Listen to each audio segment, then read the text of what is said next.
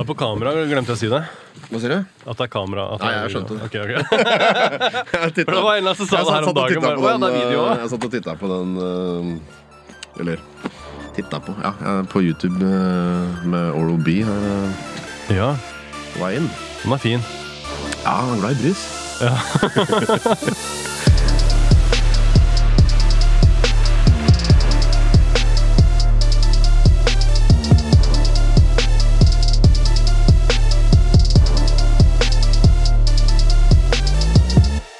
Allepodden. Uh, først og fremst vil jeg si uh, skjæra til Rimfrost, skjæra til Black Diamond, skjæra til Later Hater. Uh, alle de beste streetwear-merkene i verden. Mest sannsynlig i verden. Um, og så må jeg si tusen takk til Konkret, som er verdens beste produsent, og som gjør alt det her, lyd, lys, alt det kjøret her, som gjør at det her ser jævlig bra ut. Uh, det er takket være han. Eh, og så må jeg takke til, takk til uh, Sylskarp eh, Barbershop i Larvik. Uh, som er helt fantastiske. Alle de som jeg nevner, er Det er ikke sånn sp spons, ad, hashtag reklamekjør. Det her er bare jævlig flinke folk som jeg føler greiene til. Og så må jeg si, hvis dere hører på det her på Spotify, så er det også på YouTube. Spesielt med dagens gjest, så er det mye bedre å få det på YouTube enn å få det på Spotify. Han er en looker looker, not a talker. eh. ja. Eh, dagens gjest er eh, kanskje en av de mest spennende tatovørene i Norge. Eh, stilen hans er kline sjømannstatoveringer med et hint av litt moderne punk, ville jeg ha sagt. Eh, jeg må si, eh, personlig så er han kanskje en av i hvert fall sånn topp fem uh, største inspirasjonskilder i Norge. Han er altså en del av Lucky Seven-teamet. Velkommen, Jerry Oldog. Takk for det. Takk for det. Hvordan er livet var- i tattobransjen? Jo, nei, det var eh, Først må jeg si takk for at du ville ha meg. Eh, Jeg ble litt overrasket over det. Og det var jo voldsomt vakre ord du kom med her. Eh, Jeg blir litt tatt på senga av det. altså, Men Ja, så bra. eh, det er alltid hyggelig å høre. Men det Jo, da, er livet er greit, det, altså. Ja. Så jeg kan ikke klage. Eller jeg kan klage, men det er ingen som vil høre på. Så det, Hvordan er det å være, i tattobransjen i 2022? Er utfordring. Ja, et Det er eh, fremdeles gøy, Ja. vil jeg påstå. Og jeg har fremdeles artig på jobb. Det er jo det, er jo det vi driver med. Er det, det var ikke bedre før? Alt var bedre. For jeg føler at du er sånn bedre før-Chris. Jo, jeg, jeg, og jeg må arrestere meg selv til det, på det stadig, til stadighet. Men det, det, var jo bedre før. Ja. Det var jo det, på mange måter. Men på mange måter så er det bedre nå også. Så det er litt, litt gi og litt ta. Men øh, øh, hvis du kunne fått muligheten til å øh, øh, Å bare jobbe med sånn nymotens high-tech øh, low weight rotary-maskiner, eller å finne en annen jobb, hva hadde du gjort? Ja, da hadde jeg nok tilpassa meg, ja. Ja, Du hadde det? Jeg hadde nok det. Det er, ikke, det er jo noe med det. Vi, vi, du kommer liksom ikke unna det du driver med. Det er, eh, når du drev med det såpass lenge også, så blir det jo liksom Det er ikke bare en jobb lenger. Det er jo, det veit jo du. Det er Ja. jo Du har ditt sosiale nettverk, du har eh, Det er liksom det du driver med, da. Ja, ja. Det, blir, det blir mer enn jobb, det blir mer enn hobby, det blir, det blir livsstil, rett og slett. Høres fryktelig klisjé ut, men eh, Ja. altså, det er Men sant. Det, ja, for det, det er jo noe med at um, hvis du uh, Hvis du liksom lar det oppsluke hele livet ditt, så blir jo alt det der blir jo en pakkeløsning. ikke sant? Det er ikke sånn at du, du øh, gjør som vanlige folk. Det som er sånn, De drar på jobb, og så når de kommer hjem, øh, så gjør de de andre tingene. Oppsøker vennene sine, eller, gjør alt det kreative som de egentlig har lyst til å gjøre. De sitter i sofaen og strikker og prater med vennene sine. Mens vi gjør jo alt det der i en smæle, ikke sant? Du drar på jobb, og så sitter du og strikker og prater med vennene dine. Eller stikker, kanskje, for det meste. Ja, det er sant, det. Det er, det er stort sett det vi gjør. Ja, ja. Hvordan, øh, hvordan tror du identiteten din hadde vært hvis du ikke var uh, tatovør? Tror du det hadde vært helt umulig bare innafor noe annet?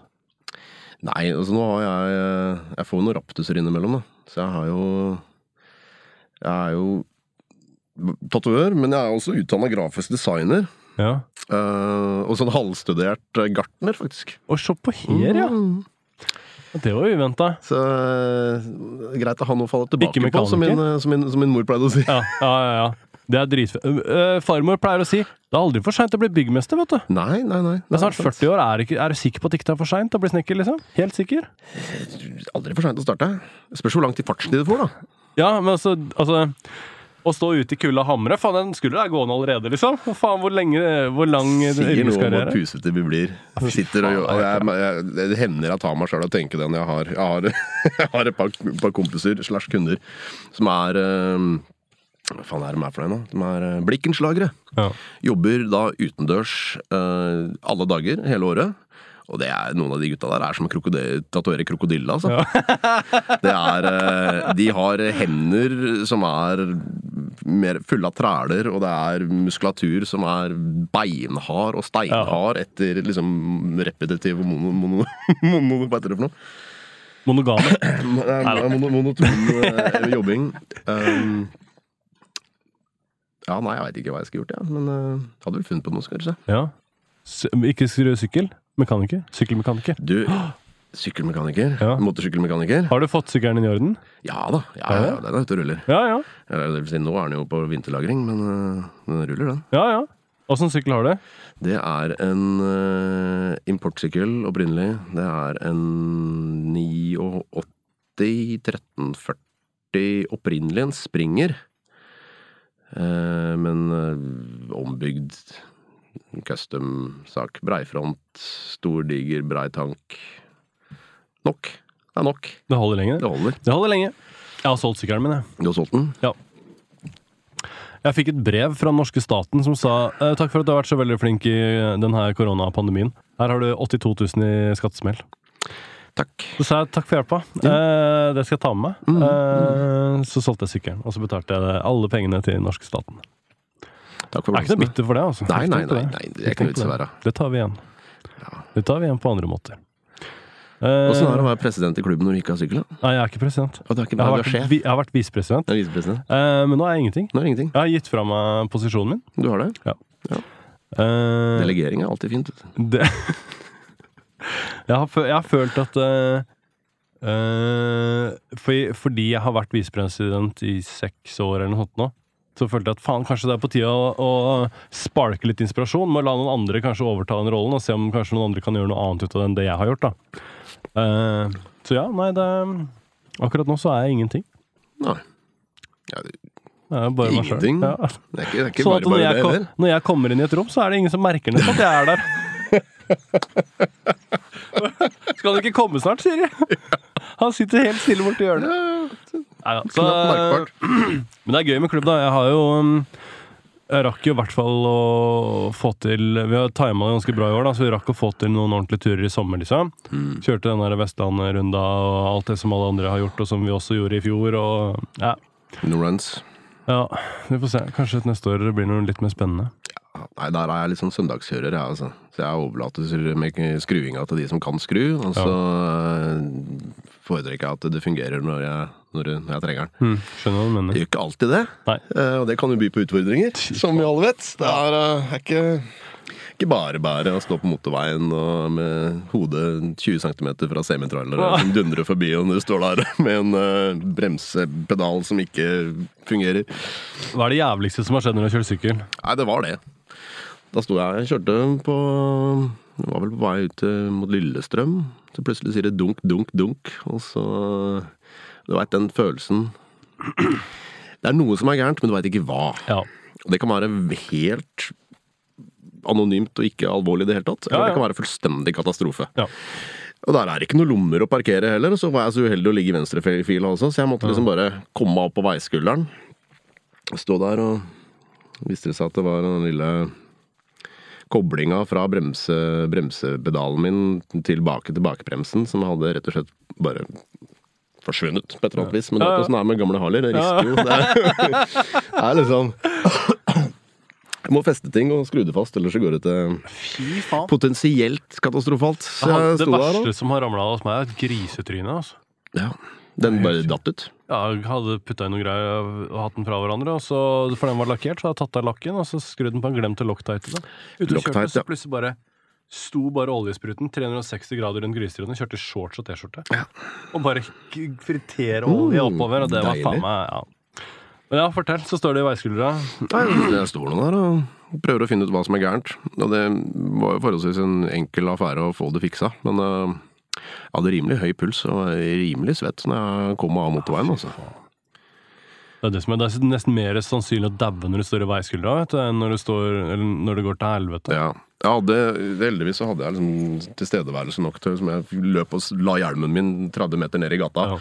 Så håper i hvert fall at folk bremser opp litt hvis de ser at det Ja, ligger en, en hjelm Eller i hvert fall kikke litt ordentlig. Ikke sjekke. Facebook når de ruller forbi der, liksom. Eh, Jeg følte ikke at det Følte ikke at det hjalp noe særlig der når jeg sto der, men uh, det er mulig det gjorde det. altså. Jeg kom, nå i hvert fall, fikk nå i hvert fall eh, dratt det til på et eller annet vis, og Ja. kom meg av motorveien. og da, da hadde jeg meg en fem, fin liten sånn der, fem minutter, bare puste litt. Ja. Og få livet i gang. Revurdere litt ting og tang. Faen, jeg røyk gassvaieren en gang, og det var jævlig merkelig. Da var det bare å få tvinna den rundt fingrene, og så kjøre med og bare, bare dra den der rett på, ikke sant? Det er det som er deilig med, med den type ting. Da. Det Mm. er forholdsvis enkel mekanikk. Ja, du har jo Altså, bremsen er jo der, Ja, ja. så da har du ikke brems lenger. Ja, det var bakbrems, da, men Nei, eh, jeg, hadde ikke noe bra bakbrems. Nei, det var På gammel Chevrolet Ja, nei, det er ikke noe bra. 78 Chevrolet Ja, det er trommelbrems på nå. Så eh, da var det teknisk, bare teknisk, teknisk sagt så har du jo brems. Ja. Det, det er jo en brems der. Ja, ja, du har motorbrems, da. Ja, så du kan jo få det til, men eh, det det ble til, var sånn Jeg kunne jo ikke stoppe på rød lys og sånn. Nei. Det var jo helt uaktuelt. Så når jeg kom på rød lys, så var det bare Ja ja, det går. Får du bare si at du har vært mye i Statene. Der har du lov til å ta til høyre så lenge det er uh... Ja, det her var i Statene, og det var bare høyresvinger. Ja, og det var klart. Da er det greit. Da er det lov. Eh, så. Skal vi begynne med det kjøret her, da? Ja. Jeg har, jeg har noen spørsmål, og det er bare fete spørsmål. Uh, Eh, det, for jeg, først har jeg lyst til å lure, på hvordan du begynte å tatovere. Og det er jo en sånn ting som alle tatoverer blir spurt om. ikke sant? De sier sånn å, var du flink til å tegne når du var liten? Alt det kjøret der. Og så må man jo svare på det, da. Samme spørsmålet hver eneste dag. Er det, hvor, er, hvor er det vondeste stedet? Og den der Ja. samme regla. Men hvordan begynte du å tatovere, og hvorfor begynte du å tatovere? Jeg begynte å tatovere fordi jeg syntes det så jævla tøft ut. Enig. Det var ikke noe mer enn som så. Jeg syns det så jævla tøft ut. altså. Ja, ja. Så jeg var jo er sånn liten punkekid, og det er nå engang sånn med de der øh, litt sånn insulære miljøene at det er, øh, det er ganske bredt aldersspenn. ja. Så man satt jo der som øh, 15-16-åring og titta på liksom de der litt hardbarka, tannlause gutta som hadde liksom armene og beina og trynet fullt av gammelt hjemmemekk. Tenkte jeg det der kan jeg faen meg gjøre bedre. ja, ja, ja. I mitt hovmod. Ehm, så begynte jeg å gå rundt på de få studiene som fantes på den tida. Spurte litt og gravde litt, og generelt var bare en plage. Til jeg ble kasta ut, og så kom jeg tilbake dagen etterpå. type ting. Eh, til slutt så fikk jeg en fot innafor, da. Men det var, det, så, det var jævla tøft, vet du. ja. Det var, var bare det. ja, ja, ja. Det var ikke verre. Hvordan, eh, hvordan var de første åra du tatoverte? Uh, ja, nei, hva skal man si. Det er jo bratt læringskurve. Ja. Men uh, Var du, var du forelska fra første sekund? Å ja. Ja. Å ja. Jeg var forelska lenge før òg. Ja. Jeg var sånn avstandsforelska. ja. Husker du I- første øyeblikket du liksom bare Å, fy faen, det her er noe sykt spennende? Nei. Jeg har det øyeblikket. For, for Ja, min har del. Ja. Men det har tatt meg mange år å forstå det. Men jeg kan huske den første gangen jeg liksom ble superfascinert av det. Og da stefaren min var på eh, Det er en dansk tatoverer som heter Erik Reime. Som eh, Han hadde studio i eh, Stavern i eh, Det er sånne kunstnerbrakker hvor han hadde studio i annen etasje. Eh, litt på sommeren, fordi jeg tror kona hans var norsk. eller annet, Så han, innimellom så var han i Norge og jobba litt på sommeren. Og jeg var, jeg var kanskje sånn 12-13, eller jeg husker det som at jeg var i den alderen her, men jeg husker at det, vi kom inn der, stefaren min skulle tatovere seg, og så var det litt sånn jeg tror det var mørkt og røykfullt. I mitt hode så var det mørkt og røykfullt. Mest sannsynlig så var det ikke det, men i mitt hode så var det jævlig mystisk. ikke sant? Og det var på en tida hvor hvis ikke en tattersjappe, da fikk du kjeft. Ja, ja, ja. Uansett om du gjorde noe gærent, du fikk kjeft med en gang du kom inn du døra. skal etablere Etablere Og da eh, kom jeg inn der, og så husker jeg han hadde liksom sånne svære Nesten sånn posterstørrelse flash han tegna, som var bare ikke sant? Det var vikingmønster og gamle 50-lappene og de der dørene, Oseberg-skipeting og, Jeg og der, sånne ting. Ja, ja. Um, det er um, Urnes kirke. Er det det det er? -hmm. Ja. Uh, så han eh, Han øh, Stefaren min tatoverte seg der, da, og jeg var der hele tiden mens han gjorde det. Og det var liksom sånn tegningene og flasha, og så hadde han liksom bilder av liksom sånn der kona hans øh, som hadde liksom et eller annet sånn design på, som backpiece og sånn, på en tid hvor det var ingen som hadde backpiece Nei, på en tid her. ikke sant? Det her er jo 30 år siden. Og så Det var sånn minne som det har liksom kommet litt mer tilbake med tida. Da. At jeg, liksom, jeg skjønner at det var den første liksom, møtet jeg hadde med tatoverdenen. da. Og det var så jævlig sterkt. Så det liksom blei sånn Hvis jeg har vært Hvis jeg har lagt merke til tatoveringer før det, så har det ikke festa seg, liksom. da. Men fra da så var det sånn Ok, det er, det der er helt rått, liksom. For meg så føltes det som å være på atelieret til liksom Pushwagner, da. Eller liksom å være der når den største tingen skjedde. I studio med JC, liksom. Mm. Det var bare Erik Reime. Men for meg, så det var ikke bare, liksom. Det er ikke bare bare det heller. Altså. Han Nei, er jo på en måte far til en, en egen stilart som vi på en måte har klart å Altså flere artister har måte etablert i Skandinavia, i hvert fall. Ja. Danmark og Norge. Sverige til en viss grad. Ja, Han, hadde, han var liksom Han var gjerne ute på saueskinn nede på beachen og, og stick polka med noen Ja. beinrester, og han gjorde Ja, det var real, liksom. Ja, det var sånn som vi syntes var fryktelig pretensiøst på et eller annet tidspunkt. Men nå man Men nå er det jo ingenting! I forhold til hvor pretensiøse tatoverer er nå, så han var nothing. Han var helt low key. Ja, ja, liksom. nå er det, nå er det super chill og, og laid back og hippie som faen. Men uh... Hvem er den mest pretensiøse tatoveren i Norge?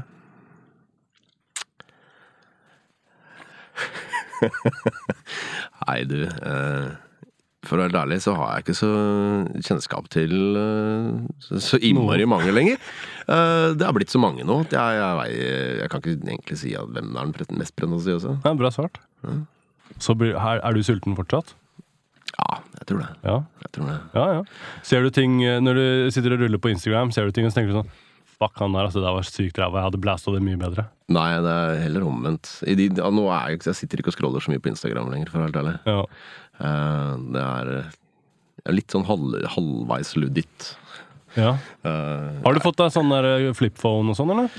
Ja, det hadde jeg jo. Ja. Eh, jeg vurderte en periode å gå tilbake til den der eh, Nokia kom ut med en sånn liten sånn retro-telefon. Ja.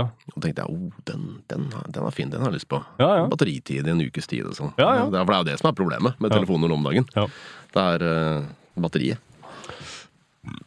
Nei, jeg gjorde det en gang. Jeg gikk tilbake til flipphone en liten periode. Mm. Eller, en liten, eller jeg gjorde det noen vet faen, et halvt år, kanskje. Og så hadde jeg kanskje et halvt år uten telefon etterpå. Det blir så gærent, vet du. Ja, nei, altså jeg vet ikke. Jeg, jeg, på et eller annet tidspunkt så fikk jeg litt sånn der eh, mot det å sitte og bruke masse tid på internett. Altså, altså, det er klart det er fint som inspirasjon og sånn. Jeg, jeg husker jeg satt og prata med, med, med Henning Jørgensen, Øh, og han sitter i lunsjen, altså fremdeles på telefonen. Sitter og spiser med ene hånda og scroller Instagram med den andre. Og kommer med sånn O og A. O, den var fett. Og det var fett. Og det var fett. Og se på den. Og det var fett. Og da blir jeg litt sånn her Gud hjelpe, du har holdt på såpass lenge, og du er liksom den du er, og så opp, Ja. så på det, men du er fremdeles like sulten. Ja, For de som ikke vet hvem det er, da, så er det han kanskje den eh, Han er nok kanskje helt i toppen av asiatiske tatoveringer. I hvert fall i Skandinavia, og kanskje også i hvert fall i Europa. Ja, Eh, han og har da har rimelig høy stjerne borte i United nå. Ja, er du gæren. Så hvis man klarer å Og han har holdt på kjempelenge. Hvis man klarer å komme dit, da, så er det liksom Faen, jeg var og jobba i studio i Huahin i, for 17 år siden. Da var det, veggene var fulle av Hva er det heter for noe? Er det Royal Tattoo det heter det studio? Ja, Royal Tattoo, ja. Der nede, liksom. Ja, ja. Så var det var koifiskene de hadde. ja. Det var Nei, Henning er sjefen. ja. Nei, det er iskaldt. Hvem er den beste tatovøren du vet om akkurat nå? Nei, det er Han derre Han derre Larvik-kiden. Nei, men Det er ikke lov å si. Det er for, det er for fiskete. Den beste tatovøren jeg vet akkurat nå. Eller liksom mest spennende, eller er det noen, noe som du ser nå som er bare Oi, det her er dritfett, liksom? Nei, altså Jeg tror ikke jeg kan plukke ut én person, men jeg syns jo det er kommet fryktelig mye flinke folk, da. Ja. Og det er eh, Du veit åssen det var? Altså det, det, eller, ja, det, det, det var jo ikke eh, kunststudentene som ble tatovører for eh, 20-30 ja, år det siden. var tatovører. Det var jo de som både ikke fungerte i noen annen setting. De kunne alltid så klare å livnære seg som tatoverer. Det, var- det, altså det var mye kriminelle elementer, og det var, eh, det var en annen bransje. Ja, ja. Eh, Men nå har jo folk som, som, eh, som har tatovert i to-tre år, og de eh, produserer ting som er helt vanvittig. Liksom. Ja, det er helt sykt. eh, Det er sykt. det er litt demo, demoraliserende, eh, men på den annen side så er det, det er litt motiverende òg. Ja. Det er jo noe å på en måte fighte mot, da. Eller du, da har du jo liksom eh, en sånn evig Og nå med all teknologien, da, så vil du jo du vil jo aldri kunne sitte og rulle på Instagram og føle deg som den beste der, liksom. Det er jo, Nei, det- Hvis du følger sånne der tattosider som deler alt som kommer, så er det jo helt kjørt. Da Ja, blir du helt svett, liksom. Jeg var ganske seint ute på å komme meg på Instagram også, så jeg har vel egentlig kronisk gått med den følelsen at jeg her har jeg noe å ta igjen. Ja. Nei, jeg tror ikke det er noe ja. Det er ikke Instagram som er framtida. Jeg gleder meg til metaverset. Da kan vi Ja, altså. Jeg så noen bilder fra deg forrige dagen. Det ligna litt på den der eh, Second Life som kom ut for 20 år siden. Ja, det er rart, det der. Ja, Omtrent samme grafikken samme filen. Ja, og nå går faen meg kidsa med saggebukser, og Ja, det gjør og det er Det er mye som repeterer seg, skjønner du. Ja, nei, de sier jo det. det Tribal er tilbake, og er det egentlig det? ja, ja, med litt ironisk distanse. Klart det er det. Ja, hvis du tar bort den ironiske distansen, så er Ja. det bring it, ass. Jeg Ja, ja. er uh, tribal-kongen, ja. Ja, ja. Litt svart tribal, det er jo ja. Stick and poke eh, er tilbake. ja. Hva syns du om den stilen? Litt sånn minimalistisk ignorant style-greiene? Hvis jeg hadde hatt vett og forstand til å ta meg nok betalt for det, så hadde det vært helt greit. ok. Men det blir fremdeles litt sånn derre Ja ja, ok. Ja. Bodysuit, ja. ja, ja. Har, du, har du to timer, så ordner vi det, liksom. Nei da, men det er jo altså, Alle har jo alle har sitt. Det, er, det, går, det, kommer rundt. Men eh, hva Så det er jo det som skjer nå. Hva var det som skjedde da, som var din inspirasjon når du begynte? Var det liksom Så du opp til de som var de største da, eller var det sånn som det ofte var for min del? At det var noen locals og noen folk man kjente som man syntes var kule, og som samtidig var Ja, det var jo noen kule Det var jo det. Men jeg tror det som måtte gjøre, gjorde Det som liksom satte standarden det var, Jeg satt og leste i en, eh, et magasin Jeg husker ikke om dette her var i et, i et tattostudio. Det kan det godt ha vært, men jeg fant i hvert fall et, en utgave av et mm, utgivelse som het Biker Outlaw Review, eller Outlaw Biker Review. Og de hadde et, eh, et portrettintervju med Freddy Corbin. Oh, ja. Og der så jeg noen ting som jeg ikke hadde sett før. ja. Og um, det, det gjorde inntrykk. Ja.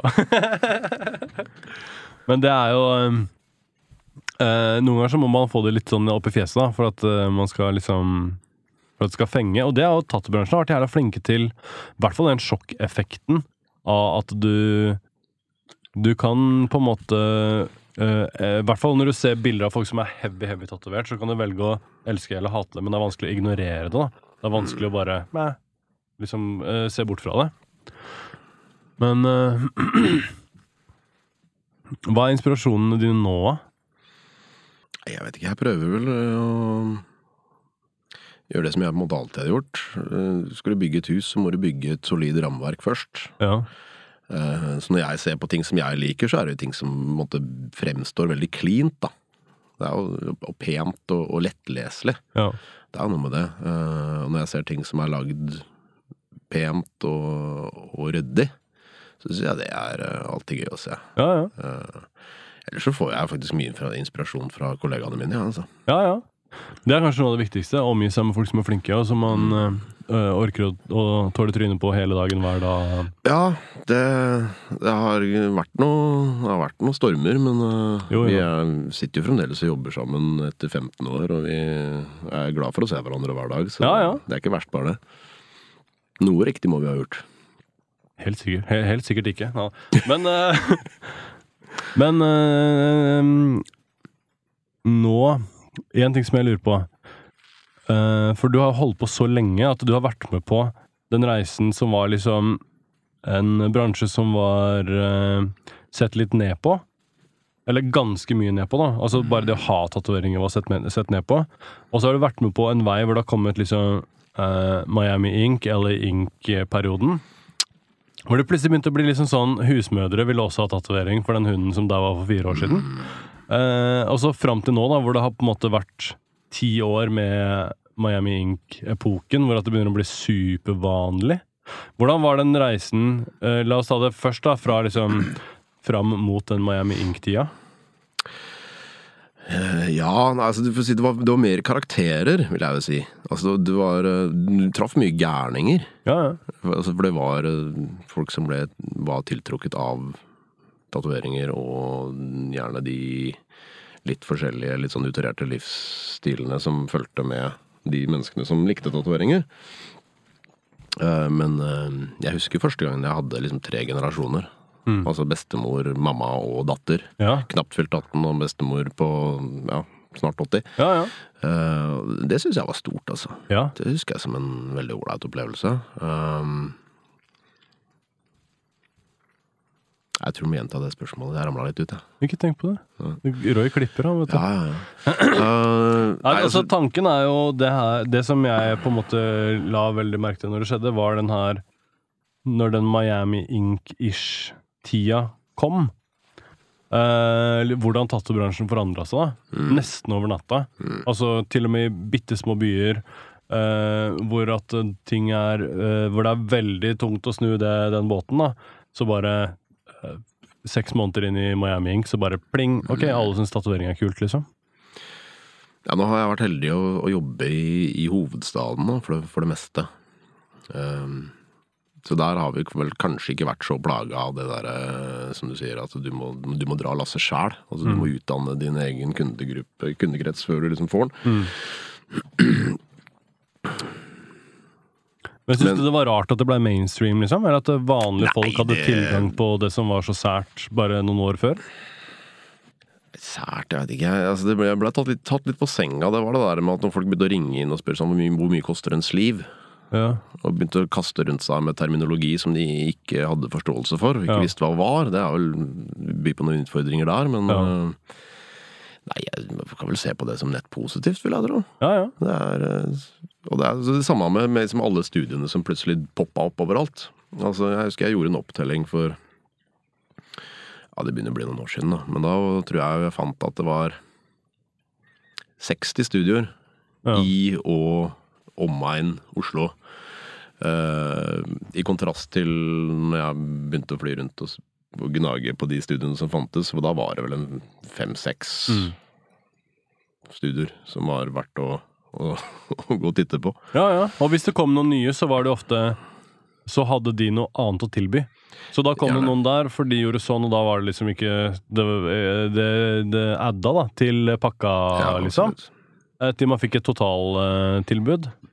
Altså, du får vel en slags sånn metting av markedet, av en slags sånn, at du blir er fullsaturert. eh, og det er jo litt sånn påtagelig når du ser det popper opp nye studioer, nye konstellasjoner, og så går det et år, et og et halvt år, og så ser du at de er blitt uvenner, og så av det, ene, det ene studio. studioet så blir det tre nye, og så av de tre nye så blir Hvordan tror du det er fuckings ni tattostudier i Larvik, da? Er det ni blitt? Ja, det er noe sånt. Det er helt, det er helt gærent. Der kan du se. Og, og, og alle de må konkurrere med meg. De burde Ja. bare starte ett studio med alle de ni tatovørene, så kanskje de hadde sjans, liksom. Nei, men øh, Men ja, tror du det øh, Tror du det er øh, sånn at den kurven kommer til å snu? Tror du at ved et tidspunkt så blir det bare for mye, det funker ikke, og, og, og markedet er bare ok, tatovering var kult, men nå er det bra, liksom, og så bare daler Jeg det igjen? tror vi har vært gjennom det flere ganger, jeg. Ja. Eh, Men det er ikke så godt for meg å si, altså. Jeg, jeg har jo på en måte mitt klientell. Og de, eh, litt sånn uavhengig av hvor populært det er med tatovering og ikke, ikke populært. Mm. Men uh, vi kommer vel til å se en, en viss nedgang. Altså, Men tror du det blir tilbake der hvor, at det var der hvor det var før? Hvor det bare var kjeltringer og Nei, nei, nei, sånn? nei, nei, nei. Kommer aldri til å gå tilbake. Tror du ikke det? Nei. Det tror jeg ikke, altså. Jeg tror ting som forandrer seg på den måten, er Det er for alltid. Ja. Det er vanskelig å gå, gå tilbake til tida før internett, liksom? Ja, og det er jo det som er den store. Det er jo internettet. Ja, ja. Det, var jo det. det er jo å prate med folk. Og det er, man, det er jo det vi gjør. Vi sitter jo og prater med folk. ja, ja.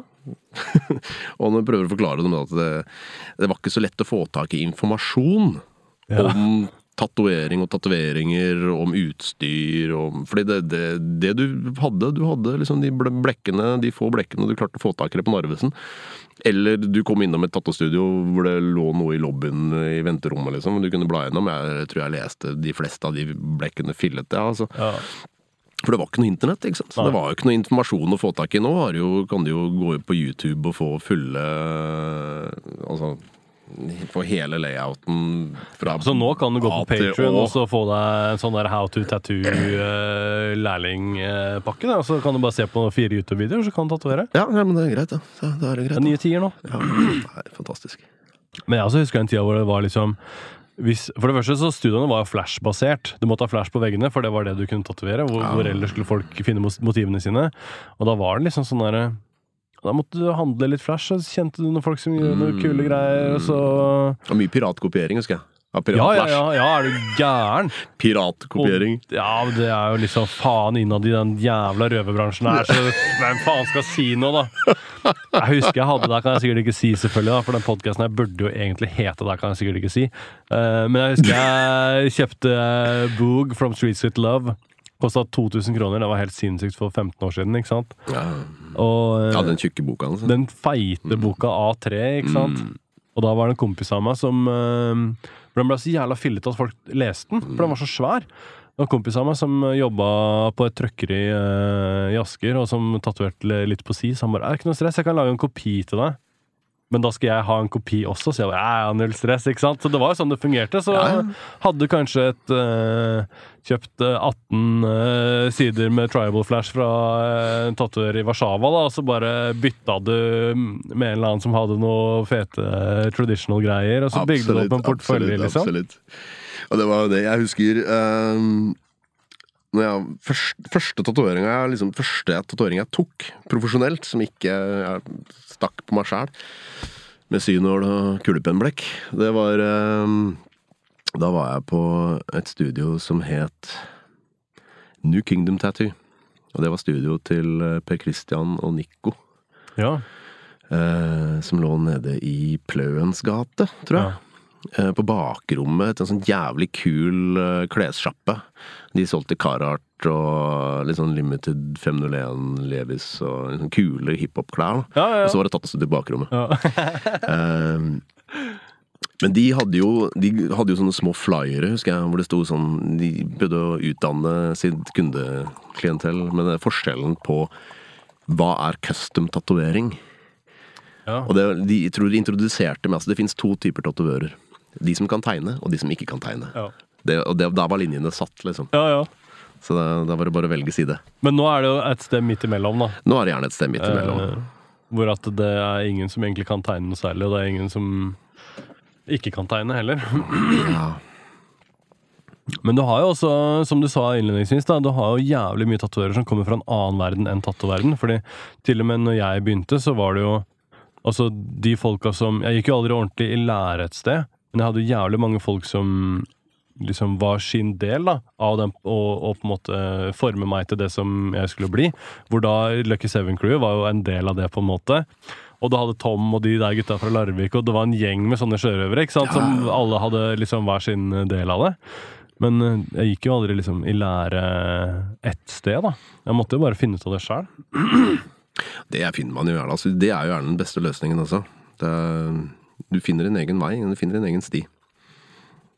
Men fin, nå- Veldig fint å få input og litt veiledning, altså. Ja, ja, Men ja. Det, det er jo fort gjort å bli Ja, å lære like mye gærent som du lærer godt. Ja, det er klart. Men eh, sånn, som du, sånn som du sa òg, da, at nå har du kids som og det her har jeg sagt mange ganger tidligere også, men du har kids som kommer fra en helt annen verden. Så jeg kommer jo fra på en måte tatto-verden, der hvor jeg har blitt lært opp all den inspirasjonen jeg har fått, uavhengig av hva jeg har drevet med, med tegning og graffiti og, og malerier og alt mulig sånn tidligere, eller eh, før tatto-greiene, så er det på en måte All bagasjen min kommer fra tatto-verden, som det på en måte gjør for deg òg. Mens nå har du kids som bare De har lagd keramikk, de. I fem år, og så har de blitt tatoverer. Eller de har gjort kreativ, masse forskjellige typer kreative yrker, da, og så gjort det bra. Kommer fra Kunsthøgskolen plutselig. Ja. Og da får du et helt annet uttrykk, Det som er jævlig fett og jævlig imponerende, men oh, samtidig så er det sånn Jeg vet ikke om jeg føler at det er en del av min verden. Jeg føler at jeg er den gamle dinosauren som bare Jeg har ikke noe kunstskole. Jeg har ikke noe skole i det hele tatt! Jeg har ikke gått være videregående engang!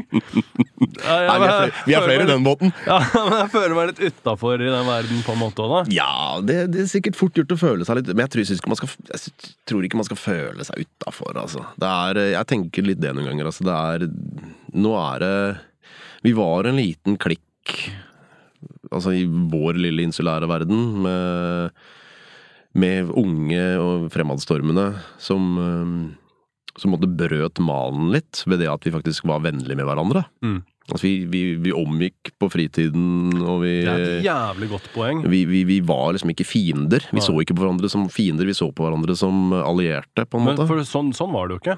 Nei, Før den der helt Altså sånn Ja, eh, sånn 17-18 år siden eh, ish, den der tida liksom helt i eh, Helt i min startfase òg, liksom, hvor at det gikk fra at hvis det var en, et annet tattostudio i den samme byen, så var det de største fiendene. Oh, ja. Hvis det var et tattostudio i nabobyen, så var det ganske bra fiender. Og så blei det liksom sånn mindre fiender etter hvert som distansen ja, ja, jo større distanse, jo, jo, mer, jo mer vennligsinnet Så var det en av eller i Moss, liksom. Nei, han driter vi i. Han, det var ikke energi til å være fiende med han òg, for det er for langt unna. Men det, men det der var sånn Jeg kom inn helt på slutten av det. Det var på en måte over. Eh, når jeg kom inn i tattobransjen. Ja. Det henger igjen i småbyene, sånn som alt går litt saktere der, men, eh, men det der eh, Det er litt sjarmen, syns jeg. mm, Ja, ja, og, og jeg, er jo ikke- jeg syns det er koselig å ha å lage litt dårlig stemning. Jeg, jeg er ikke redd for det i det hele tatt. Kanskje for oss så er det litt sånn, litt sånn Men det er jo romantikk generelt. over det. Ja, men det er det. Det er det. Og så er det noe med Jeg, jeg kan jo huske veldig godt liksom sånn helt i starten at jeg hvis jeg så noen på gata i Larvik som hadde fet tatovering, så gikk jeg bort og spurte sånn, «Øy, hvem er det som har gjort den. Ja. Og hvis ah, det er han og han, ja, ok, fuck han. Og så gjør jeg et eller annet som var mye fetere, så bare passer jeg på. Jeg bare gå fram og tilbake på utsida av det studio 25 ganger i morgen, liksom. Det er din jobb nå, liksom. Nå skal han se det greiene der, liksom. Og det er jo på en måte Det hatet er jo ikke noe ordentlig hat. Altså, det er jo folk som jeg noen av de menneskene hadde jeg jo aldri snakka med engang. Jeg visste jo ikke hvem de var engang. De ble bare hata by proxy, liksom, av hvem de var. Og mye av hatet var jo bare at eh, jeg ville at de skulle bare vite at jeg var fetere enn de, liksom. Det ble som en sånn der graffiti-mentalitet, nesten. ja, det er jo litt av det som driver av, da. Ja, ja, 100 Sant? Litt sånn gode blandinger av litt sånn fuck you-attitude, og Ja, ja. litt sånn ja, men altså, hvis du skal være flashy, skal jeg være flashy. Ja, ja, ja. Men så, det, det som på en måte gjorde fordel, eller forskjellen for meg, var jo det at eh, det forandra seg litt. da, Hvor at eh, du hata jo fortsatt alle, men så faen så var det plutselig noen folk som du digga også. ja, ja. Og så blei det mer, litt mer den her community-greia, som øh, Som man har liksom hatt noen sånne klikker, men stort sett så har man en sånn der liten gruppe på sånn 30-40 tatoverer som man kjenner. Som er kule folk, liksom. Og som man liksom føler greia til. Og man føler at den energien er riktig, og man føler at det liksom matcher opp med dine ting. Og verdiene er stort sett de samme, og man føler liksom at det her er positive og bra folk. da Eh, som er også til tider en bra inspirasjon, for plutselig så kan man liksom bare ja, 'Vil du komme og jobbe en uke?' eller 'Vil du dytte noe datten?' eller Spesielt nå i korona, for jeg har vært jævla flink til å bare hente inspirasjon bare med å reise ut, ikke sant? Reise til utlandet. Men nå så går det jo ikke an å reise noe sted i det hele tatt, så jeg prøver å få å omstrukturere livet mitt, så jeg i hvert fall kan ha noen fuckings på besøk innimellom. Som jeg kan bare få den der Ja, og det er jo det man finner, da. Altså, For så mye som det er, som du sier, det er mye røvere i den bransjen her. Altså. Det, er, eh, det er kanskje ikke så mye røvere som det var, men det, det er faen meg mye gull i grus nå, altså. Ja, det er det. Det Det er, er eh, nydelig sagt. Jo, takk. Det er mye gull i grus nå. Ja, det er det. Så du Ja. finner fine folk, og det er jo, jeg har jo noen sånne vage minner av eh, noen sånne lørdager hvor vi hadde en eller annen halvøy og så plutselig så kommer en kontingent med, med Ella Boys ramlende inn, og så, før han veit ordet av det, så har vi satt den i arbeid, ikke sant? Så, Ja, ja. Sitter, så sitter de så der og tatoverer ja. og flirer. Det var ikke det som var planen, men sånn ble det, gitt! Vi trengte en tatover den dagen, og da hadde vi en. Men sånne ting er jo moro, da. Og det er jeg alltid åpen for det. Jeg tror jeg var litt halvdritings da jeg kom òg, men, eh, Jo, jo, men det, men sånn er livet. Men Sånn er det er jo um, Det der er jo litt av sjarmen, og det der bygger jo den der følelsen av at man har et community, på en måte, og det er man litt dårlig på i Norge generelt, liksom. Ja, vi er Men det å kunne skape noe sånt noe på utsiden av alt, det også er ganske spesielt. Ja. Og det, Lucky Seven har vært jævlig flinke på det. Bare med hele det Rock City-prosjektet og sånn, liksom. Eh, som da er det må ha vært den mest eksklusive booth-plassen i Tatto-historien, liksom. Når du har 20 plasser eller 25 plasser eller hva det er for noe per messe, liksom. Og, Ja. og, og Lucky Seven gjerne vil ha sju av de plassene sjøl. Og jeg gjerne vil ha fire av de. Ja, jeg var, jo, jeg var jo en av de som heller ville gå på fest enn å, enn å jobbe ja, Ja, På, de, på de arrangementene der. Men eh, ja, jeg skjønner hva du mener. Burrock City, ass. Det var en eh, Du, det var en, det var en Det var en høydare. det var en Det var en høydare. Jeg, har, jeg tror fremdeles jeg har noen bilder et eller annet sted fra den, der, eh, den festen der. Altså. Jeg har noen sånne formeninger om det, var, Vi hadde noe boblebad. Ja, ja, vi hadde boble. Jeg, og jeg kasta dama di i ja, ja, du, boblebadet ja, først. du lurer på det. Men Det var, jævla dårlig stemning. nei, var det det? Jeg, jeg husker det sånn her at du kom, og så hadde jeg kjæresten din Jeg satt ute og tok en røyk med hun og hun hadde på seg en Isso-T-skjorte, fordi alle klærne hennes var våte, for jeg hadde kasta henne i boblebadet. Og det var omtrent det eneste hun hadde på seg. Så husker jeg at du kom, og så følte jeg at det, Oi, her, ble plutselig, her er det potensialet for dårlig stemning. Og så føler jeg at situasjonen var sånn her. At du måtte bedømme skal det bli dårlig stemning, og jeg var som ja, ja, men da blir det dårlig stemning. Og så bare var vi bestevenner. Jeg synes ikke, jeg tror ikke det endte opp med noen katastrofe. Nei, så, vidt, som, en, så vidt jeg husker, så Det var det, det så var det god stemning, altså. Det var uh, høy teknomusikk. Det var, uh, det var mye, hadde mye rosa drikke. Det var Ja, Haien hadde blanda opp en, Ja, noen sånne eh, bakeboller med rosa Ja, dram, og så var det noen som hadde helt en liter med Zalo oppi det Det var det det var, for det var mye bobler, husker Ja. jeg. Det var mer bobler enn det var bad. Men good times. Good Ja, den var times. fin. Det beste var at eh, når vi skulle rigge ned dagen etterpå, så var det oppmøte klokka 11, da, og vi var det eneste som møtte opp. Jeg kan ikke huske. Det var Nei! Men sånn er det med så mangt. Uff. Man, Det glem- man, har beste glemt, man har glemt mer enn man, men man, enn man husker, og det er kanskje, det er kanskje en god ting. Ja, det er viktig. Det skal være sånn. Nei, det. ja, jobba, du, jobba du på Burrock City? Ja, ja, altså, jeg var baransvarlig for kroa i Bø. Ja. Du var baransvarlig for Kroa i Bø, så var du som måtte, måtte rydde opp alle de halv- halvlitersglassene med mig som står i DJ-båsen. Ingen navn nevnt. Inte bra. Uh, men når vi snakker om sånn Når vi snakker om Miami Ink, for eksempel, da.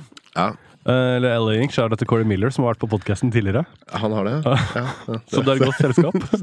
Eh, det er sant, faktisk. Eh, hvis, du, mm, hvis du hadde hatt, eh, fått tilbudet om å være med på sånn tattoo reality, hadde du vært med på det? Nei. Hva hvis det var sånn Inkmaster-greier? Nei. Hva hvis det var Du, jeg strekker meg, jeg strekker, jeg strekker meg så langt som å komme og være gjest i Isopodene, ass. Men det har vært to jævla trauer i år, da. Så nå Det nå er, jeg, nå er jeg til meg mye. Så nå, nå må jeg gjøre et eller annet for å liksom knekke knekke Knekke, Ja, men faen, Du må litt ut der, da. eh, For folk fortjener å se hvem du er. Men det er liksom Det, det konseptet eh, og det eh, Jeg er jævlig dårlig. Jeg vet jo ikke hva de Inkpass-greiene er nesten engang. Jeg har ikke sett noe særlig på det. Men eh, jeg får litt sånn følelse For det første, så det er jo TV for TV-ens skyld. Men jeg har alltid sett på det sånn her. Det er en som driver med triable, en som driver med portretter. En som driver med eh, traditional, osv., osv., osv. Og så første episode. Ja, i dag er det tribal-tatoveringer. Er tribal-kissen vinner? Traditional-kissen kom på andreplass, og portrett-kissen kom på siste og blir stemt ut. Neste episode så er det portretter. Faen, portrett-kissen er ute, men eh, så da- da- Tribal-kissen taper jo da og ryker ut, ikke sant? Jeg fikk hva, hva er det her for noe? Det kan ikke ha vært skapt av tatoverer? Det virker jo helt klønete. Jeg vet ikke, vi har jo alltid sagt liksom det at hvis du skal kalle deg tatovør, så skal du jo være i stand til å gjøre det som kommer inn studio, da. Kommer inn døra. Ja, Det er jo liksom det som Vi er tatovører. ja men det er, vi er jo gamle. Jo. Så vi er jo der hvor at vi på en måte gjør, gjør mye forskjellig, men nå er det sånn at uh, det er mange tatovører som er der ute nå, som gjør, de gjør én ting, og det er den stilen de gjør. Ja. Jo, det er sant. Det har mange som gjør bare portretter, det har mange som gjør eh, bare traditional, eller, ba, eller enda verre, da. Det, ikke verre, men enda mer spesifikt, hvor det er noen som har liksom jobba seg fram til en veldig sånn uh, spesifikk stil innafor en sjanger. Og det er alt de gjør. De gjør bare uh, liksom traditional dameansikt i svart-hvitt med, med en eller annen sånn gimmick. De er alle under vann, ikke sant? Der har du det. Det er det jeg gjør. For alltid, liksom. Aquatic. Ja, nei, altså Jeg prøver å gjøre det som kommer inn døra. Uh, er det noe jeg Altså, jeg gjør jo ikke portretter, da. Det er jo Jeg er ikke, jeg er ikke så rå på denne sånn realismebiten. Mm. Uh, Men da foretrekker jeg heller å bare videre, sende de videre til noen som gjør det. Ja, ja. Altså, hvis det er eh, Eller en av kollegaene mine, selvfølgelig. Men eh, er det noen som helt spesifikt kommer inn etter noe som jeg vet at vet du, dette her er ikke egentlig min forte, Mm. så sender jeg det videre. Altså, jeg tror det betaler seg i lengden. Ja, jeg er helt enig. Jeg er helt enig. Og spesielt når det kommer til sånne ting som er så jævlig spesifikt som liksom portretter og sånn, da. Kan, jeg kan alltids eh, knekke et lite svart-hvitt eh, portrett, men hvis man kommer inn og sier sånn 'Jeg skal ha det farveportrettet av tanta mi', Ja, nei, sant? mm, ja. Jeg kan gjøre Elvis og Marilyn Monroe, men jeg gjør ikke, jeg gjør Ja. ikke barn og barnebarna. Hvis du skjønner hva jeg mener. ja, ja, ja, ja. Men gjør du barnebarna til Elvis? Ja, det kunne vel tenkes. Nydelig sagt. Eh, Da skal vi over til det første faste segmentet, som heter 'Hva er din favoritt-tatovering?'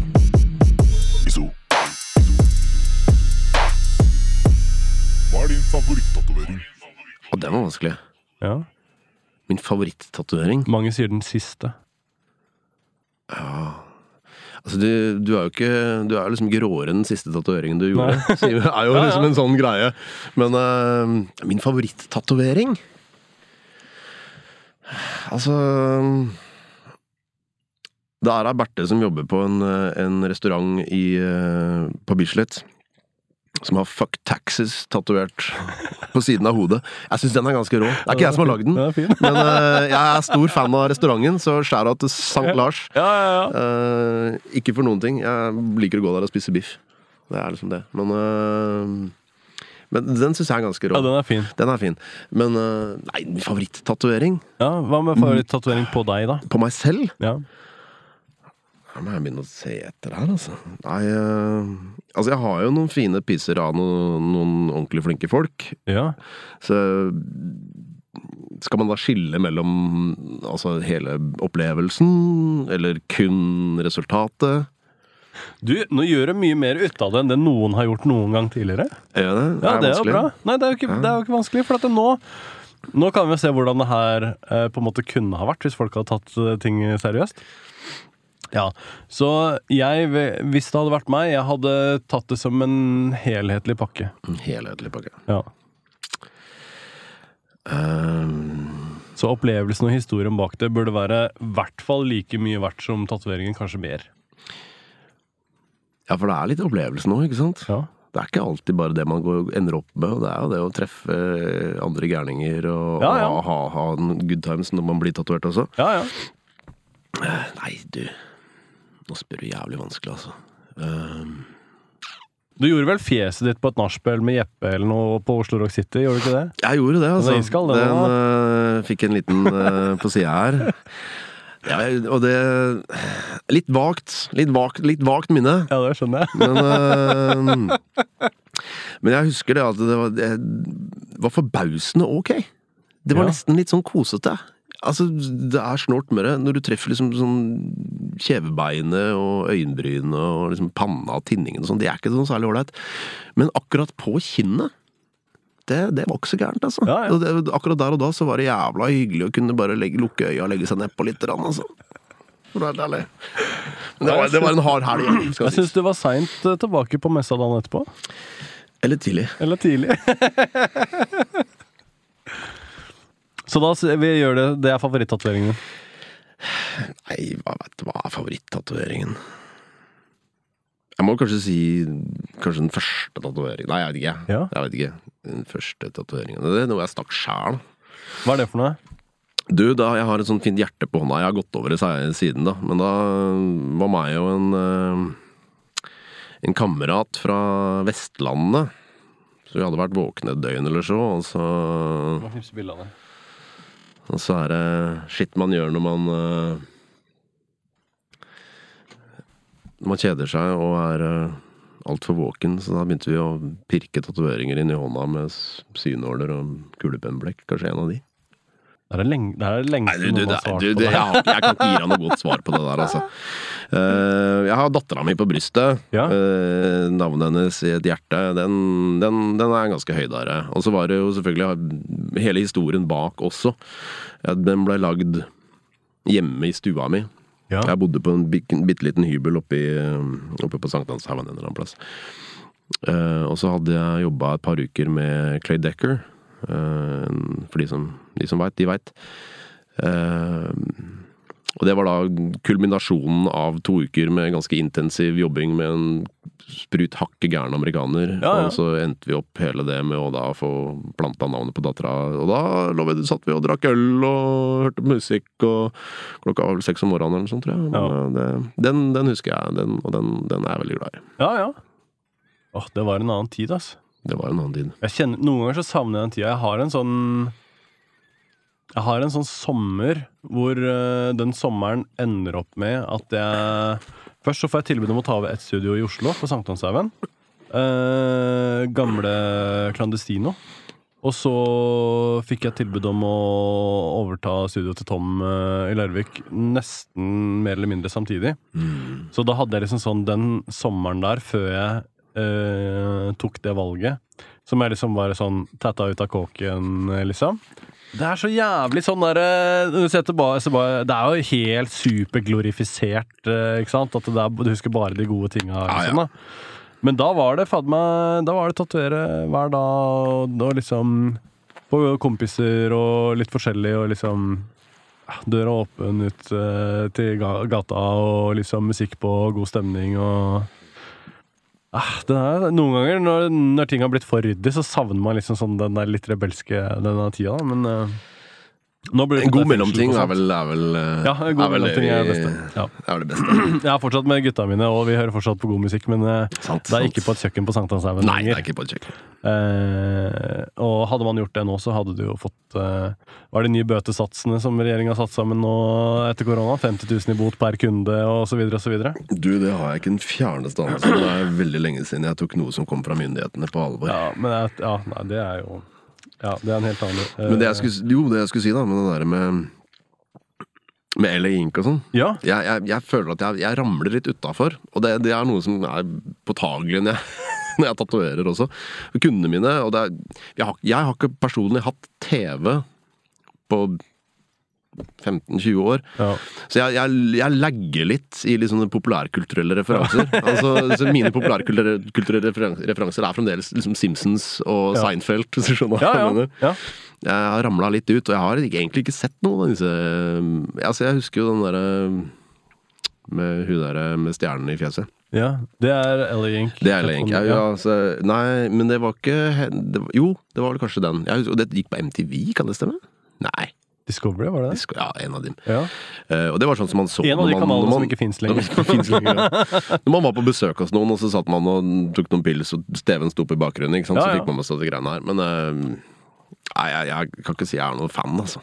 Nei. Jeg tror det har eh, Ja, nei, jeg er litt ambivalent i forhold til de Ah, Det som er vanskelig, er jo det å vise fram en kultur eh, gjennom på en måte en liten gruppe menneskers eh, syn, da. Og spesielt når den eh, Hvis man ser på Miami Ink, da, så blir jo den lille gruppa eh, De lager det jo veldig tydelig for TV. Oh yes. Altså det her konseptet med at eh, Må sende inn en audition tape for å få lov å være kunde. Ja. Mm. Og hva, begynne hvorfor og hvordan, og hva, hva er betydningen bak det, og greier. Og jo, du skjønner at eh, Jo, og det var jo Ja. det som var påtagelig. For plutselig så begynte kundene helt uoppfordra å fortelle hvorfor de tok tatoveringene. Ja. Og hva det betydde for dem. Og det, Ja. da sitter man der og bare Du, kompis, slapp av. Det er, det er ok. Du, bare si at det er tøft. Det holder, det, altså. Men jeg, og det er liksom sånn Det er på en måte litt rart, og så er det sånn Jeg vil ikke at de folka skal føle på at det de gjør er teit. For jeg skjønner hvor det kommer fra. Det kommer Ja, fra at de har blitt lært opp av media at sånn skal det være.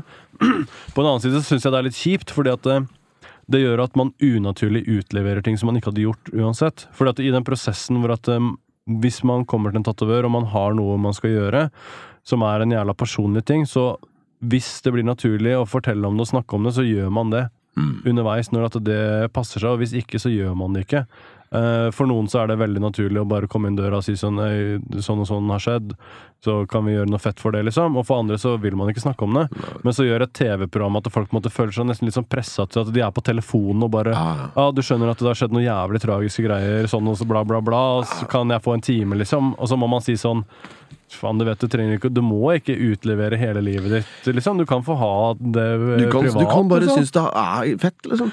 Ja, det kan man jo òg, men det var jo en lang periode hvor det var umulig. Ja. Du kunne ikke bare ta en du kunne, Hvis du var ute på byen, så kom folk bort «Hva hva er det her, og hva betyr det der, da? Nei, hva faen betyr det? Vet da faen, jeg!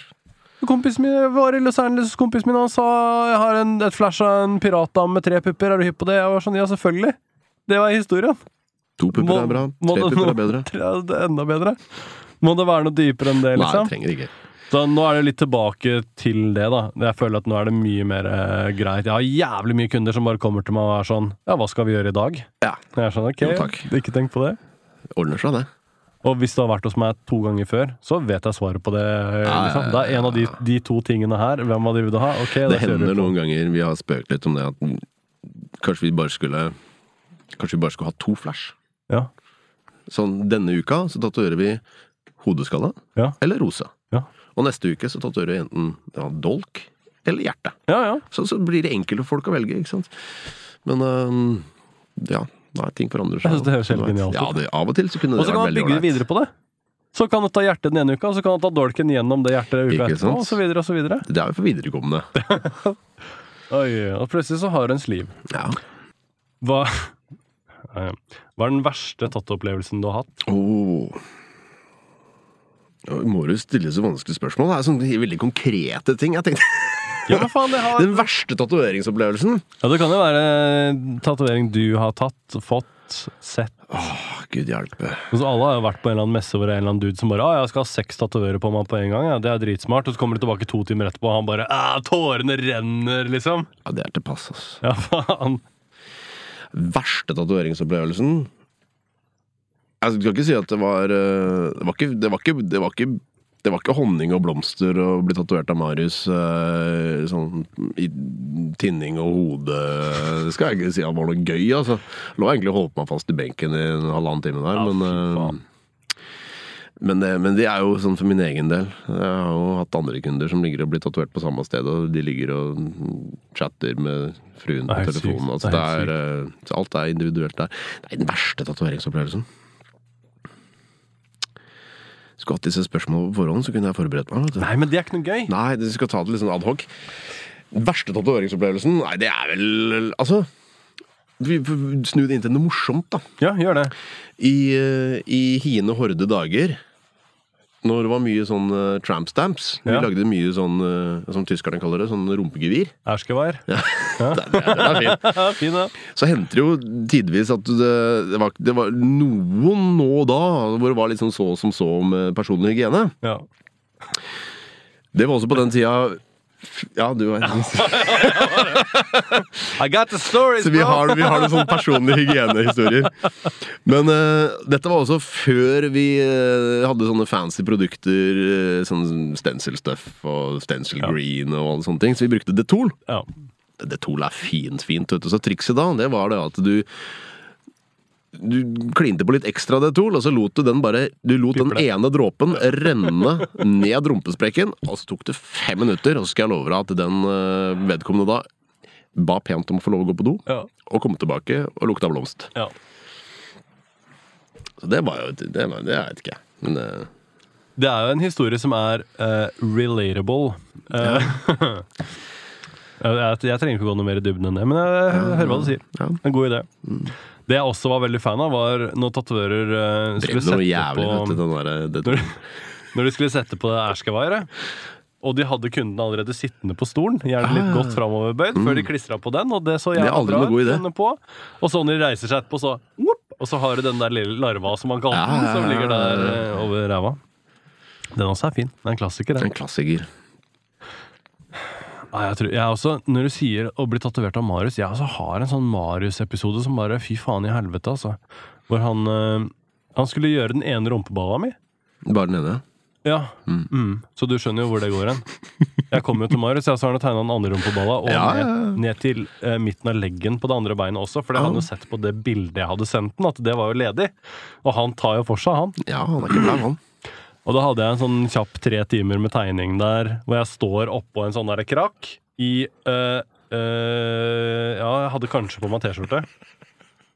og så står det helt stille, ikke sant? Og prøver å ikke fucke, opp og stå, prøver liksom å Do not clench. Ja. Og så når vi begynte å tatovere, så var jeg utslitt. Ja. Uh, fy fader, altså. Uh, ja. Det var en lang dag. Jeg stoppa fire ganger på vei hjem til Larvik. eh, jeg kjørte For å ta meg en kopp kaffe og bare faen, Jeg var helt kjørt, altså. Helt kjørt. Det tar på, altså. Ja, fy fader.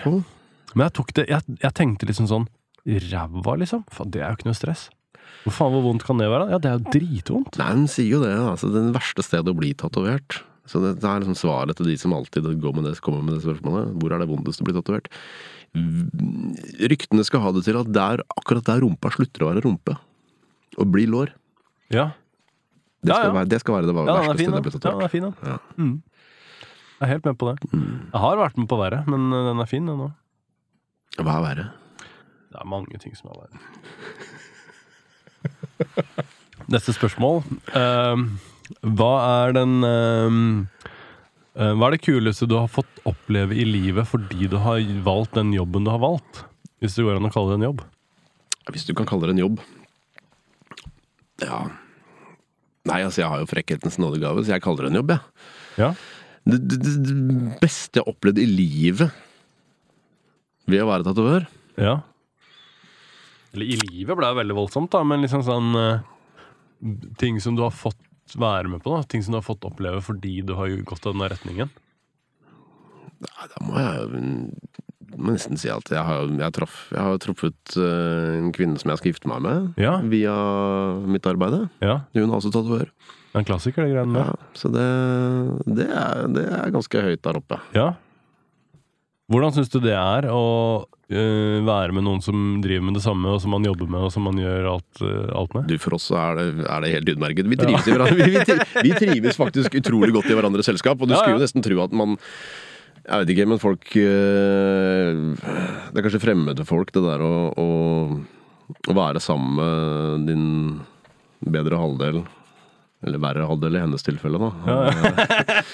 Eh, 20 timer i døgnet. Ja, ja. Men eh, det er faktisk helt ålreit, altså. Eh, vi passer på å, dra til og fra jobb på litt forskjellige tidspunkt. Så vi liksom har bussreisa. ja, ja. Og nå bor vi jo i en liten eh, rødmalt stue i Bryna Bærumsmarka. Og gjør ikke stort ut av oss. Eh, så vi har, en, vi har en litt reisevei, men eh, det er veldig ålreit. Ja, ja, ja. liksom, da, har du, da har du 50 minutter for deg sjøl! ja. ja, ja. Trives med det. Men eh, veldig fornøyd med det, altså. Mhm. Veldig fornøyd med det. For det er sånne ting som For jeg gjør jo det samme. Eh, og jeg tror det er en sånn ting som jeg, Det syns jeg hørtes jævlig rart ut eh, tidligere. Å oh, ja. være sammen med noen som du skal jobbe sammen med, og som du skal gjøre alt med, og så skal dere reise og gjøre messer, og så skal dere ditten og datten. Fy faen, det hørtes helt sinnssykt ut. Men når man gjør det, så er det sånn Faen, det er litt koselig å ha noen som setter pris på de samme tingene, og som skjønner hva du sier når du kommer hjem fra jobb og sier sånn Ja, i dag har det skjedd sånn og sånn. Ja, så har du en liksom- partner in crime, da. Ja. ja, Du trenger liksom ikke forklare noe. Nei, på ingen måte.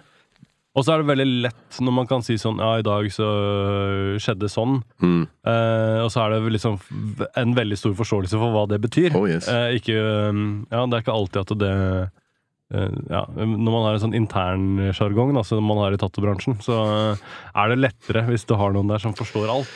Det er sant. Og de problemstillingene som kommer med deg, de tingene du føler pga. at du har valgt det livet som du har valgt, liksom. da. De blir liksom ikke så stort når hun har valgt det samme. Det er noe med det. Pluss at det, det, eh, de eh, opplevelsene man kan ha på utsiden av jobben, men som også er litt jobbrelatert, blir jo på en måte også enda større opplevelser. da. Ja, og så slipper du den derre Altså, vi jobber jo litt sånn udda timer, da. Så det Ja. er jo det å komme hjem sånn alt mellom åtte og elleve en gang på kvelden. ikke sant? Så Det er ikke alle som ville synes det er så ålreit. Men så lenge de driver med det samme sjøl, så er det jo, ja. har du på full forståelse. Ja, ja. Nei, den er fin. ok, så la oss gå videre til det neste faste segmentet, eh, som heter Fortell om en gang du holdt på å dø. Bro, jeg holdt på å daue! Er det isopoden? Er jeg isopoden? Fortell om en gang som du holdt på å dø. Hvem var dem? jeg holdt på å dø. Og jeg sammenligner det alltid med Kenneth Engebretsen, som hadde sånn sju historier eh, når jeg spurte han om det. Og jeg Ja, tror jeg halvparten av de involverte skytevåpen.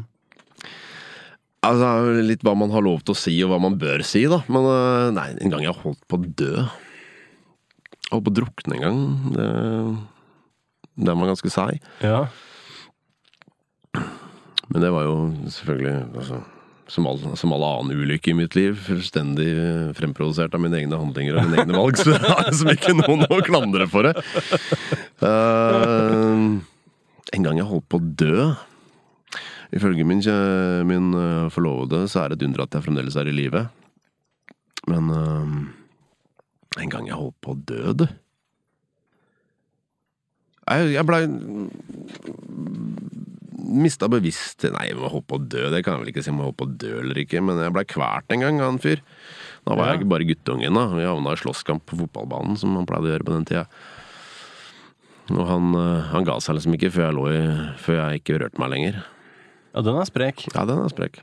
Så tror jeg han fikk jævla bondeanger, for når jeg kom til meg sjøl, så satt han på, på, på, i gresset der og gråt, så da gikk jeg bort og dengte den.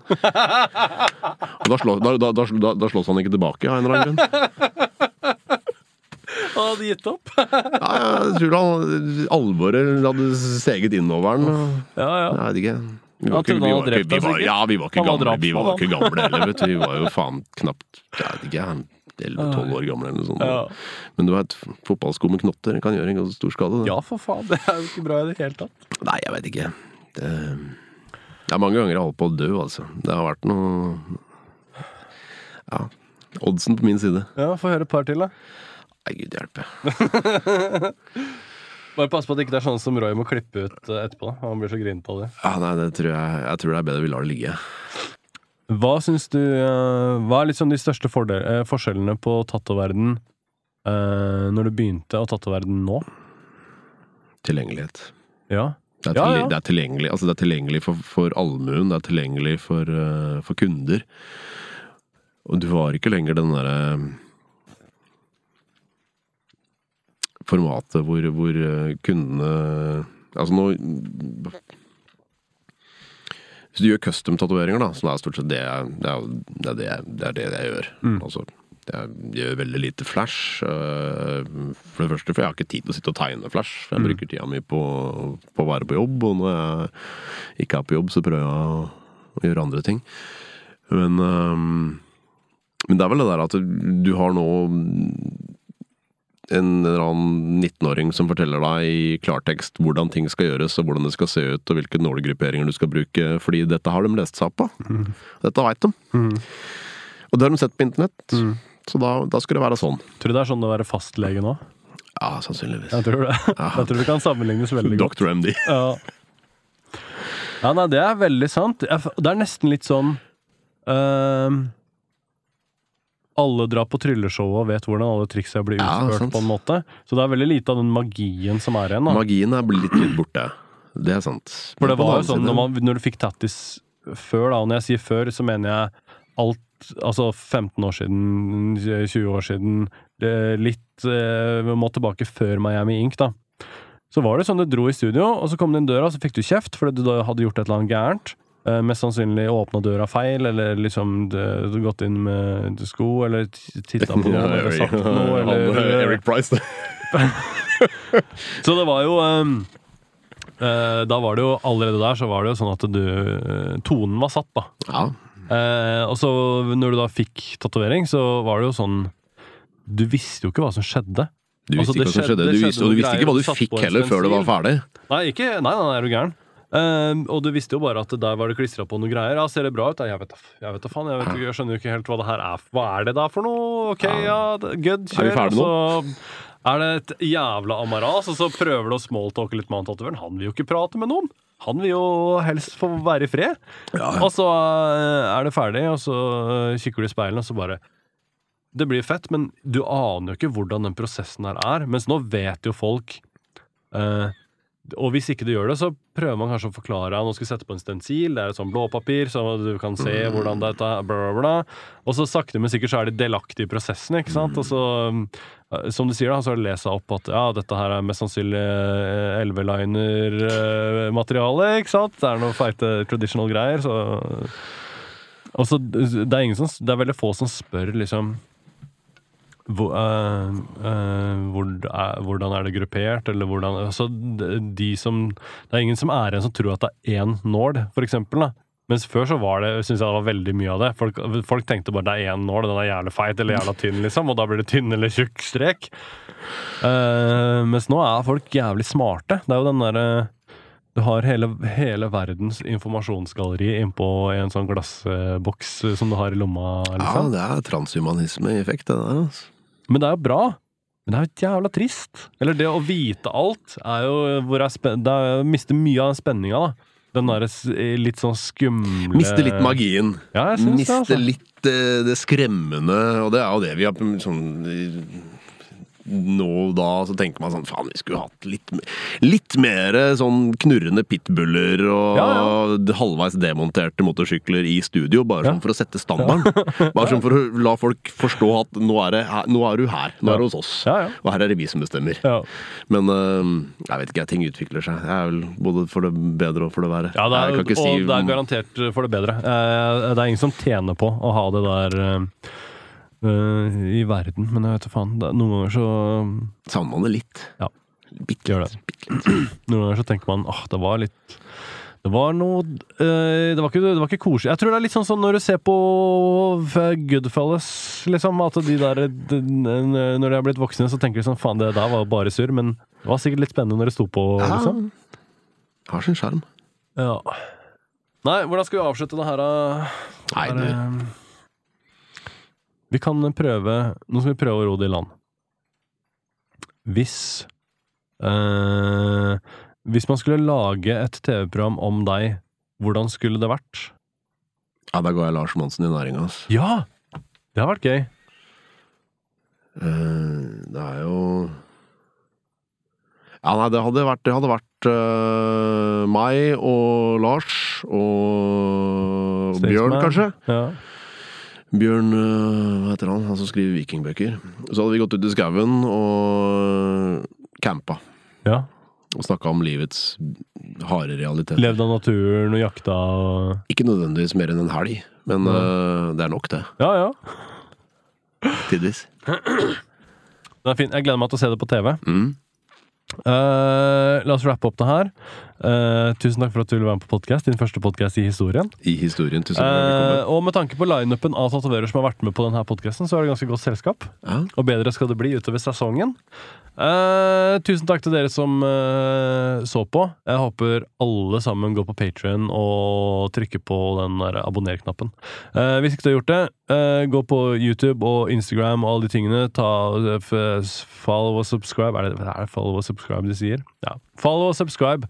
Alt eh, som dere trykker og gjør innpå der, gjør at vi får eh, bedre tall. Uh, og det gjør at eh, algoritmene finner folk som uh, er sånn at de nesten har hørt om podkasten, men vi har ikke nådd helt ut til de. Hvis dere trykker på knappene, så går det ut til de der ute også. Takk for oss, podkasten. Vi prekes. Later.